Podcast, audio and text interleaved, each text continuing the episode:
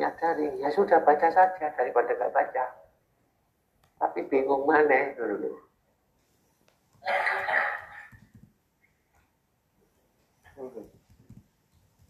Nah, jadi yang dimaksudkan tawakal sini adalah betul-betul penyerahan yang betul-betul merasa hidupnya dijamin Allah. Maka dia tidak akan mengurus sesuatu apa pun di dalam dirinya. Karena tahu bahwa dia telah dijamin oleh Allah Ta'ala. Ya mudah-mudahan kita bisa seperti itu pelan-pelan. Ya. Kalau belum mampu, ikhtiar usaha.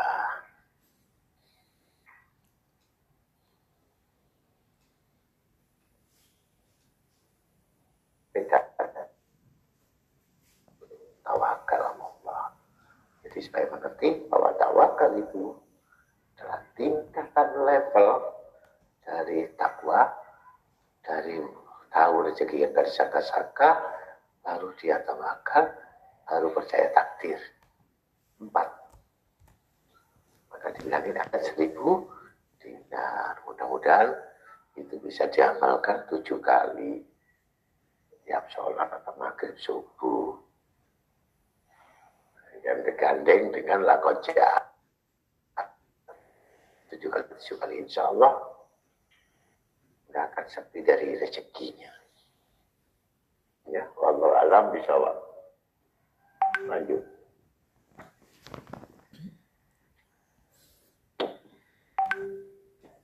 Selanjutnya, semua pilihan-pilihan syariat dan urutannya merupakan pilihan Allah Ta'ala. Engkau tidak ada hak di dalamnya sama sekali.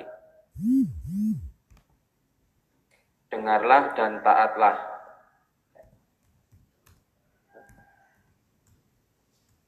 Hal ini merupakan makom fikih robani dan ilmu ilahi. Di sana ilmu hakikat diambil dari Allah Ta'ala akan turun kepada orang yang lurus dan istiqomah. Pahamilah. Lalu dia membaca firman Allah dari Quran Surat Al-Hajj surat yang ke-22 ayat ke-67 sampai dengan 68 yang artinya sungguh engkau Muhammad berada di jalan yang lurus dan jika mereka membantah engkau maka katakanlah Allah lebih tahu tentang apa yang kamu kerjakan. Ini ada dua hal. Yang pertama, engkau tidak ada hak di dalam sama sekali, maka di sini disuruh untuk dengarkanlah dan taatlah. Dan ini merupakan makom fikih robbani dan ilmu ilahi, perbedaannya.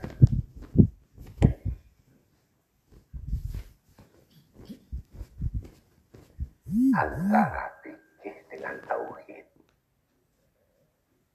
itu sangat beda tapi sumbernya sama. Al-Faqihil Kafah.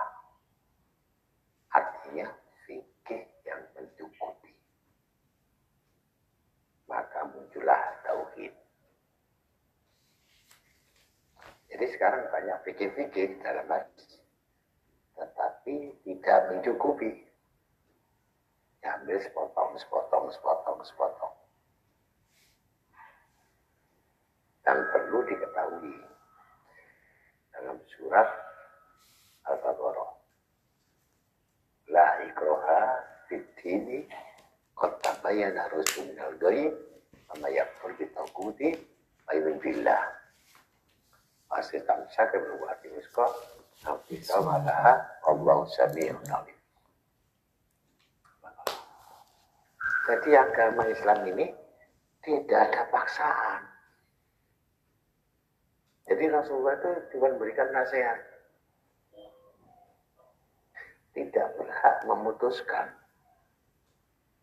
Yang memutuskan tetap Allah. Jadi menyampaikan, balik. Sampaikan. Kalau dia menentang, dia tidak mau, lain tawalau. Mereka tidak mau, mereka enggan, mereka ingkar. Kul, katakan ya Muhammad, Hasbi Allah. Cukup bersadarkan padaku, kata Allah. Jadi agama Islam ini tidak menekan kamu harus begini, begini, begini. Tidak. Dihujat, dimaki, dibenci. Tetap pul. Katakan hasbi Allah tawakal. Jadi kuncinya kembali kepada tawakal. Jadi kalau orang kembali kepada tawakal, bersandar betul-betul pada Allah, maka Allah akan menjamin menyelamatkan. Gitu. Jadi jangan khawatir hidup ini. Kalau betul-betul bersadar.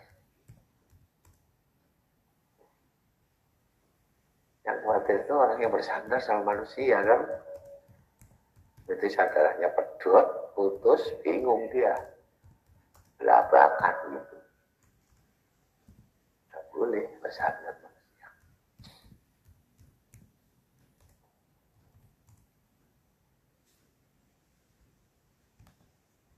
Jadi kalau kita jalan tadi berdasarkan apa yang Nabi Muhammad SAW menyampaikan, ya kita harus percaya karena itu kita masuk rukun iman. Percaya kepada Allah, percaya kepada Rasul, sudah. Percaya pada kitabnya. percaya kepada malaikatnya kita jelas, malaikat nggak kelihatan. Yang kelihatan kita Al-Quran. Nabi kita nggak sejaman. Allah zat tidak mungkin bisa mewujudkan dirinya. Bagaimana kita beriman?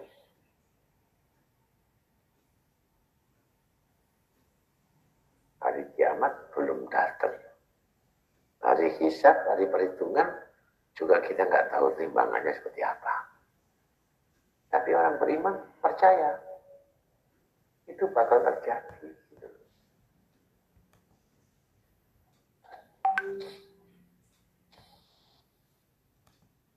Yang mungkin bisa kita ingkari.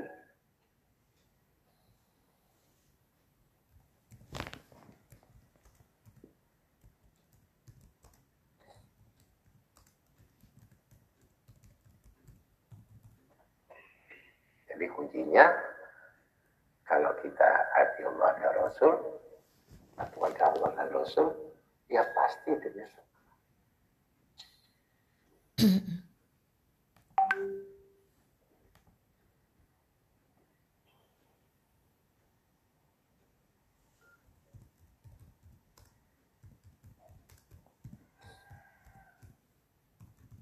Jadi kembali lagi mana. Jadi kitab ini berputar-putar saja, padahal itu larinya kepada tawakal. Nanti diuraikan semuanya.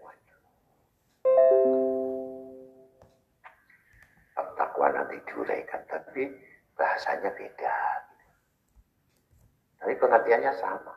Jadi semua kitab itu hampir semua tidak lari dari bicara yakin, iman, takwa, sabar, syukur, ikhlas, ridho, itu aja isinya. Tapi bentuk bahasa lain. Bahasa mereka yang Ghazali beda, bahasa Nasadi beda, Imam Nawawi beda. Imam Tailas kan dari beda. Jabu Bakar Misal beda, Imam Haddad beda. Hmm, tapi satu muara. Kumpulnya nanti satu muara itu. Judulnya sama.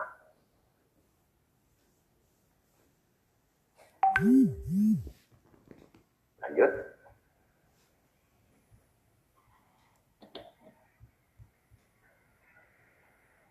Sahabat Sadiri radhiyallahu Anu berkata, terdapat dua hal yang memutuskan jiwa sahabatmu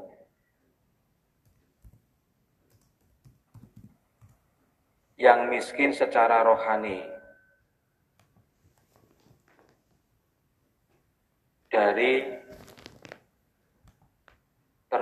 kepada Allah Ta'ala. Dengan taat kepadanya, juga menutup hatinya dari pencapaian hakikat dan menyibukkan akalnya dari penyaksian tauhid. Kedua hal tersebut adalah satu, terjerumusnya dia ke dalam amal dunia dengan pengaturan sendiri. Dan yang kedua, amalan akhirat ia lakukan berdasarkan keraguan terhadap anugerah Allah Ta'ala. Jadi ada dua hal terkait dengan hakikat dan penyibukan akal dari penyaksian tauhid. Orang iman pengakuan. Tapi yakin adalah pembuktian. Yang tidak ada kan pembuktian. Kalau iman banyak, tapi pembuktian. Seperti orang berangkat haji. Saya yakin, saya yakin. Tapi saya belum berangkat ke haji. Katanya. Ka'bah itu hitam. Zaman dulu kan ada gambar. Betina itu begini. Tempat makom. Tapi Ibrahim begini. Ceritanya dari haji. Masa sih? Ah, tak percaya. Tapi saya iman. Tapi ada berlebihan kalau cerita makam Medina. Yes, tak budal cocok loh imam. Dari yakin. Pertama iman, baru yakin. Melihat, oh Mekah begini, Madinah begini. Baru anu yang melihat dengan mata sendiri. Pulang ya sudah aku yakin, nggak ragu lagi. Gitu. Jadi pembuktian-pembuktian dari amaliyah ini yang susah dirasakan. Sehingga banyak orang awam ini ragu-ragu terus. Ya tetap menjalankan ibadah, tapi ragu-ragu.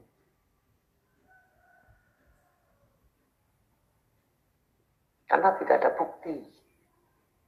Buktinya itu belum ada. Jadi bisa dirasakan. Kalau orang sudah bisa merasakan luar ya senang. Coba kamu beramal. Tahu hasilnya atau rasanya. Rajin kamu. Hantam terus tiap hari. Karena belum tahu hasilnya. Ya mikir-mikir lah. Gitu kira-kira. Ngapunten Gus. Ngapunten Gus. Ya. Eh, ragu-ragu itu karena apa Gus? Menunjukkan karena kita kurang yakinnya atau karena karena apa Gus? Karena belum bukti tadi. Belum ada bukti. Belum ada bukti menjadi ragu-ragu. Ya, Menguatkannya kados pundi Gus? menguatkan itu dengan bukti balik lagi. Balik lagi. Nah iya, berulang-ulang ya buktinya. Kalau tidak ada buktinya ya gimana mau yakin? Bagaimana supaya yakin ya bukti? Ya, kamu rasakan buktinya. Ini. Kalau ada buktinya ya ragu-ragu lah.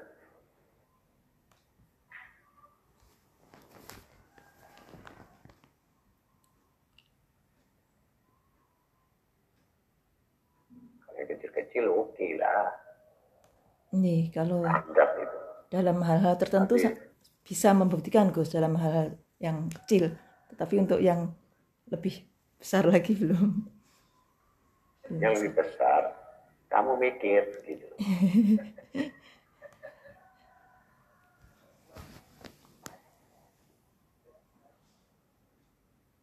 Tuh.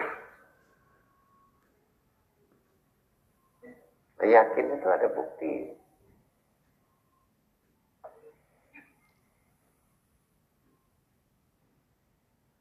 Jadi tidak gampang itu.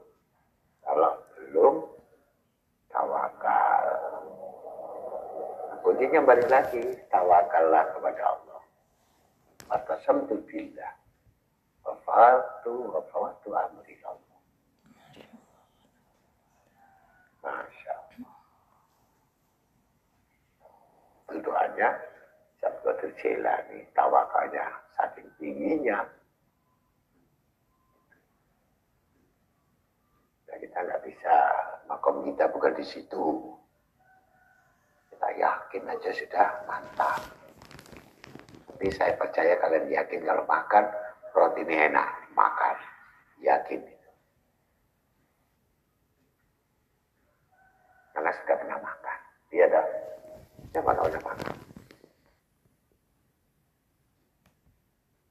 Gus ngapunten Gus mau tanya Gus.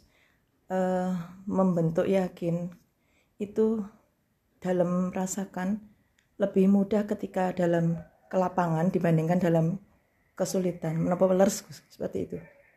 Oh iya, kalau kesulitan sabar. Kalau longgar lapang, ini enak saja lapang. Eh, maksud dalam dalam aspek yang lain ya, tidak hanya dalam masalah sedekah, tetapi dalam eh, meyakini hal-hal yang lain terutama terhadap jaminan Allah itu. itu berarti nggak percaya takdir Allah. Yang yakin. Tapi menolak takdir itu aja. Tanyaanmu saya tahu itu loh. Jadi Gus Preso. Ya percuma jadi guru kalau nggak tahu. Makanya saya tanya guru. Ayo pensiun naik kan. Mungkin jangan pensiun naik. Tetap dikerutuk ya terus.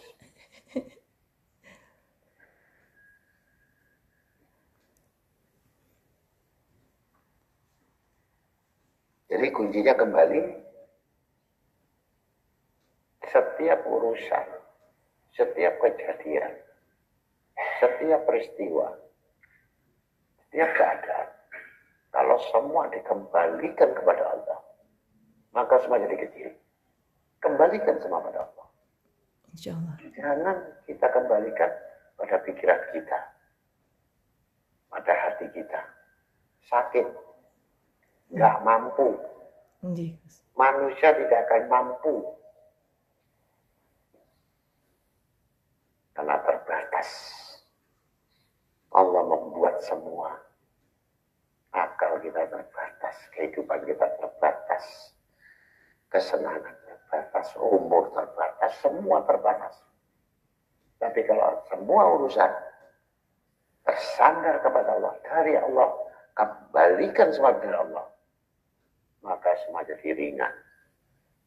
Bebaskan hatimu, bebaskan pikiranmu, Amin. lapangkan, longgarkan dadamu. Amin. Isi saja dengan zikir Allah. Amin ya Allah. Niscaya semua jadi kecil. Amin. Nggak ada lagi. Karena kita semua bakal mati. Besok, lusa, atau kapan? Kita nunggu antrian saja. Tapi semua bakal mati.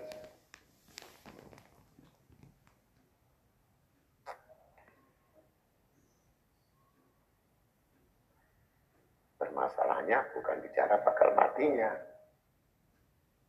Bekal amal apa yang kita bawa. Itu. Itu yang kita renungkan. Maka isilah kesempatan-kesempatan untuk mengisi amal-amal yang soleh. Amin. Berbuat baik sekecil apa pun. Amin. Tidak ada yang dirugikan. Amin. Disembunyikan atau terang-terangan. Amin. Semua tercatat di lauhil mahfud. Amin. Jadi jangan merasa rugi. Amin. Insya Allah. Ya, kalau longgarkan kadamu, insya Allah. Amin. Begitu datang lagi kegelisahan, datang lagi kebingungan, ambil air wudhu. Istighfar. Amin. Insya Allah itu obatnya. Amin. Istighfar itu obat yang paling dasar di samping sholawat. Kita ini sudah banyak dosa.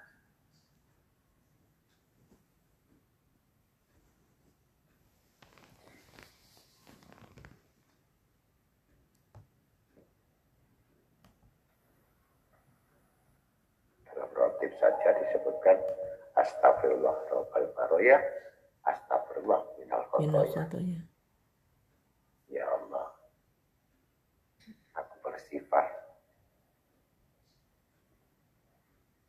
Tuhannya manusia. Saya minta ampun dari segala ya kesalahan. Diulang-ulang sampai tiga kali. Yang sudah jadi imam, yang sudah jadi sohibul ibad, ahli ibadah, sohibul bilan, yang menguasai kota hari masih saja beristighfar. Kita-kita ini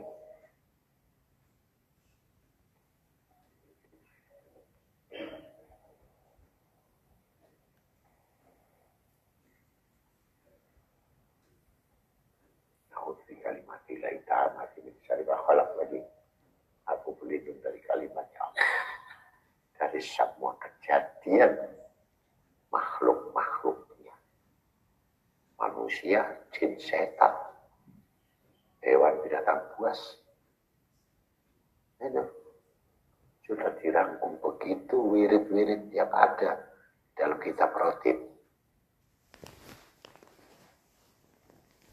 Yang sudah mendunia. Diamalkan bukan di Indonesia, dunia.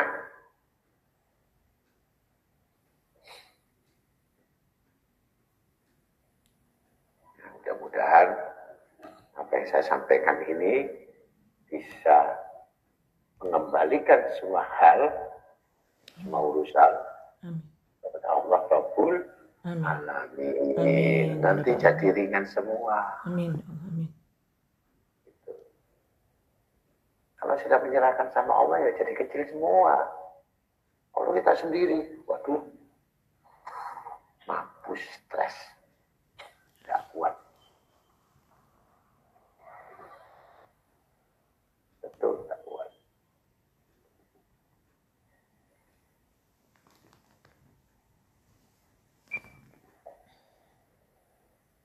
Jadi kalau kita bersandar sudah kepada Allah Ta'ala, insya Allah pelan-pelan semua yang beban-beban itu akan dicabut oleh Allah. Digantikan dengan kebaikan-kebaikan. Amin ya Allah. Emang berat. Tapi Allah Ta'ala tidak akan memberatkan menguji seorang hambanya kecuali hamba itu sanggup memikulnya. Dengan catatan sanggup tadi karena mengembalikan kepada Allah Ta'ala. Jadi banyak-banyak baca Asbunallah wa ni'mal wakil, ni'mal maula wa ni'mal nasir, la haula wa la quwata illa billahil aliyil azim minimal 100 kali, kuat 1000 kali kuat sampai betul-betul beban itu dicabut oleh Allah Ta'ala. Iya. Jadi beban yang berat-berat itu akan hilang semuanya.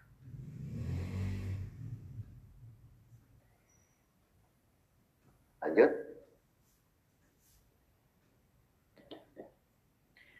Selanjutnya 20 menit. Ya. yeah. Secara tersirat di paragraf ini tadi sudah disampaikan Gus, tadi ini saya bacakan. Dengan ketentuan tadi yang sudah disebutkan, Allah Ta'ala lantas menghukumnya dengan hijab. Sehingga terlarang darinya dengan keraguan yang terus-menerus melupakan kebaikan-kebaikan tenggelam dalam lautan pengaturan atau takdir dan penetapan atau takdir. Lalu ia merasa kebingungan atau ragu tadi di dalamnya karena airnya yang keruh. Kemudian Allah Subhanahu wa taala berfirman di dalam Quran surat Al-Maidah ayat 74 yang artinya mengapa mereka tidak bertobat kepada Allah dan memohon ampun kepadanya. Dan Allah Maha Pengampun lagi Maha Penyayang. Ini adalah hijab yang mereka dinyatakan tidak bertobat kepada Allah Subhanahu wa taala.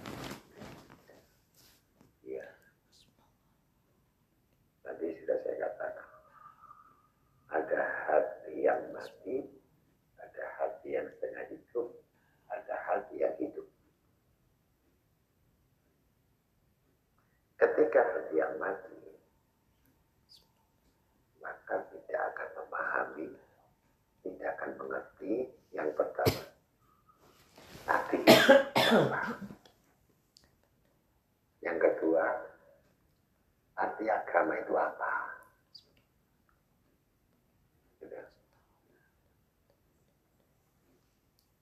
Ini orang yang buta mata hatinya.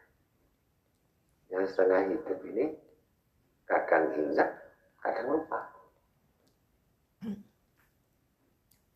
Begitu ingat, dia akan rajin beribadah pada Allah, bertaubat pada Allah, menangis pada Allah. Tapi pada suatu saat, sama sekali terlupakan. Ini setengah hidup, setengah mati. Ayatnya summa manu, summa kafar. Yang ketiga, hati yang hidup. Hati yang hidup itu di mana pun keadaannya, punya nggak punya, ada tidak ada, kaya atau miskin, sakit atau sembuh, selalu mengingat Allah. Itu orang yang hidup.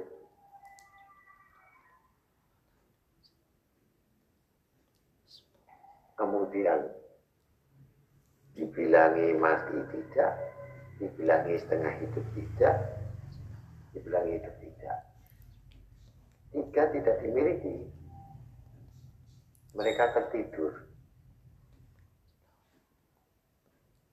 Hati tertidur tahu.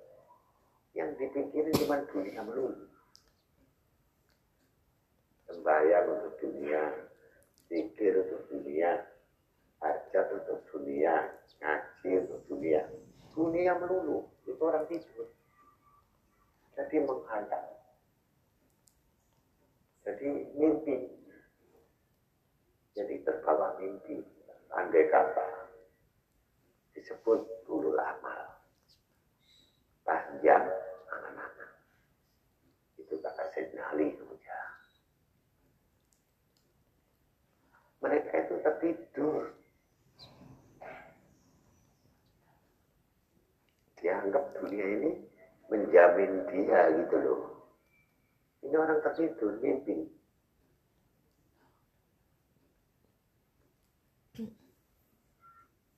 Kemudian Sayyidina mengatakan, dia akan bangun nanti setelah dikubur. Nah itu.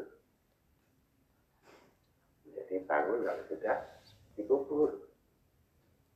Siang, malam, pagi, sore.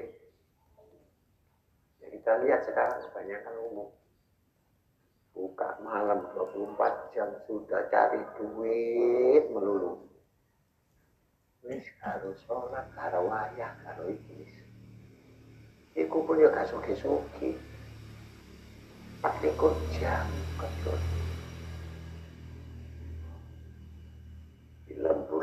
no ya gak iso mugi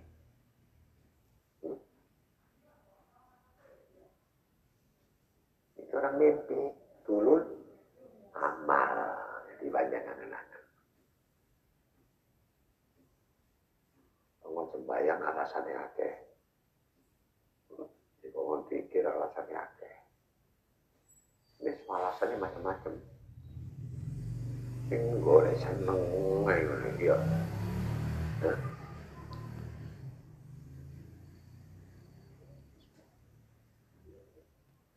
bangun pikir lima menit ngantuk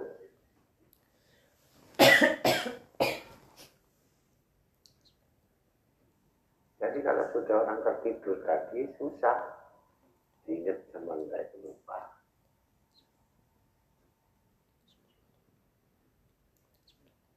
Itu bahaya.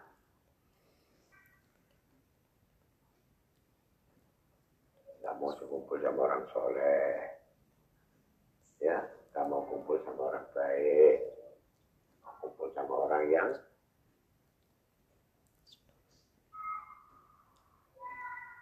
yang mengingatkan. Dari sahabat yang selalu mengingatkan. Kalau salah diingatkan kalau sahabatnya salah diingatkan kalau dia salah suruh mengingatkan. Itu. Ada kiri baik nanti gerak tanpa mukminin saling mengingatkan itu manfaat bagi orang-orang yang beriman. Manfaat. Ojo menang-menangan ojo kalah-kalah. Gitu. menang-menangan kamari ya selesai. Jadi kita terus jalurnya tadi. Seperti Nabi Muhammad jalannya lurus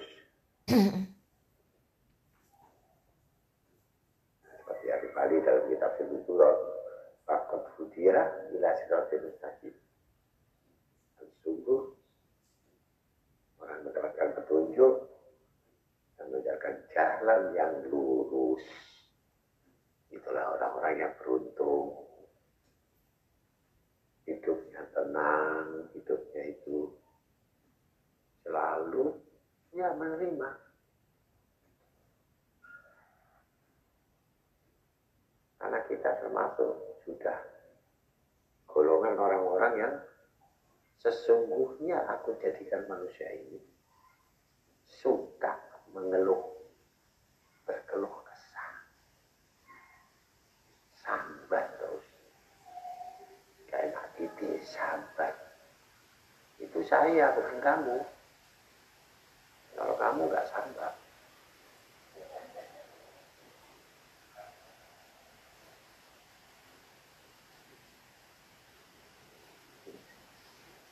nggak enak sedikit lalu apalagi nggak enak saja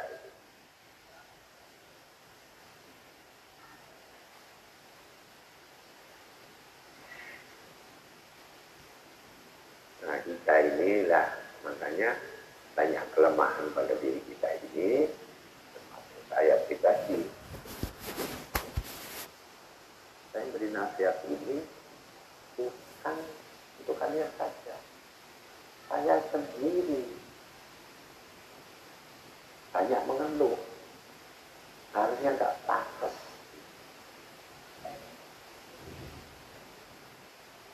tapi karena kena masalah kena ya namanya manusia nggak bisa ya kotor manusia ini gudangnya salah.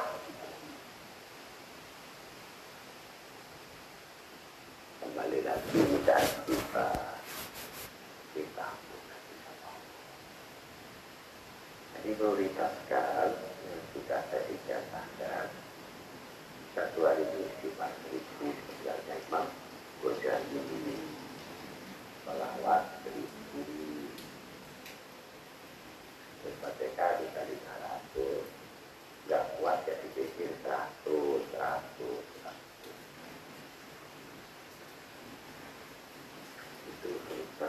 amar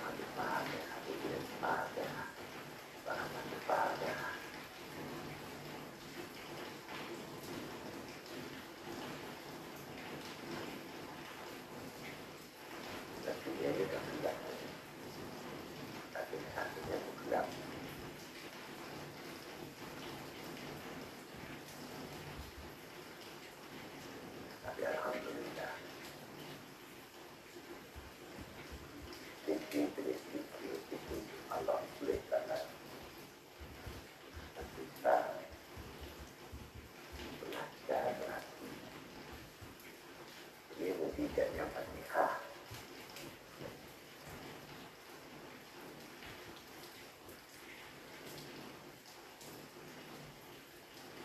Tak mampu, dokter kan bukan obatnya. Ini cuma vitamin, obatnya. Dokter ini ya. Ya.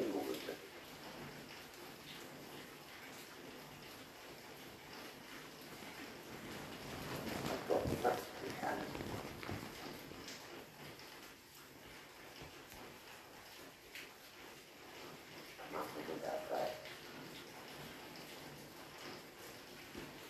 jawabannya sampai sekarang tuh belum ketemu.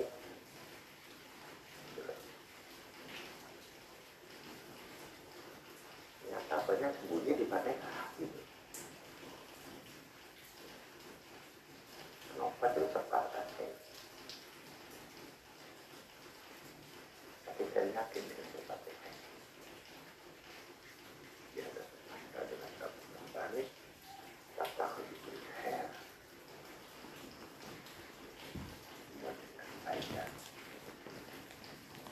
that.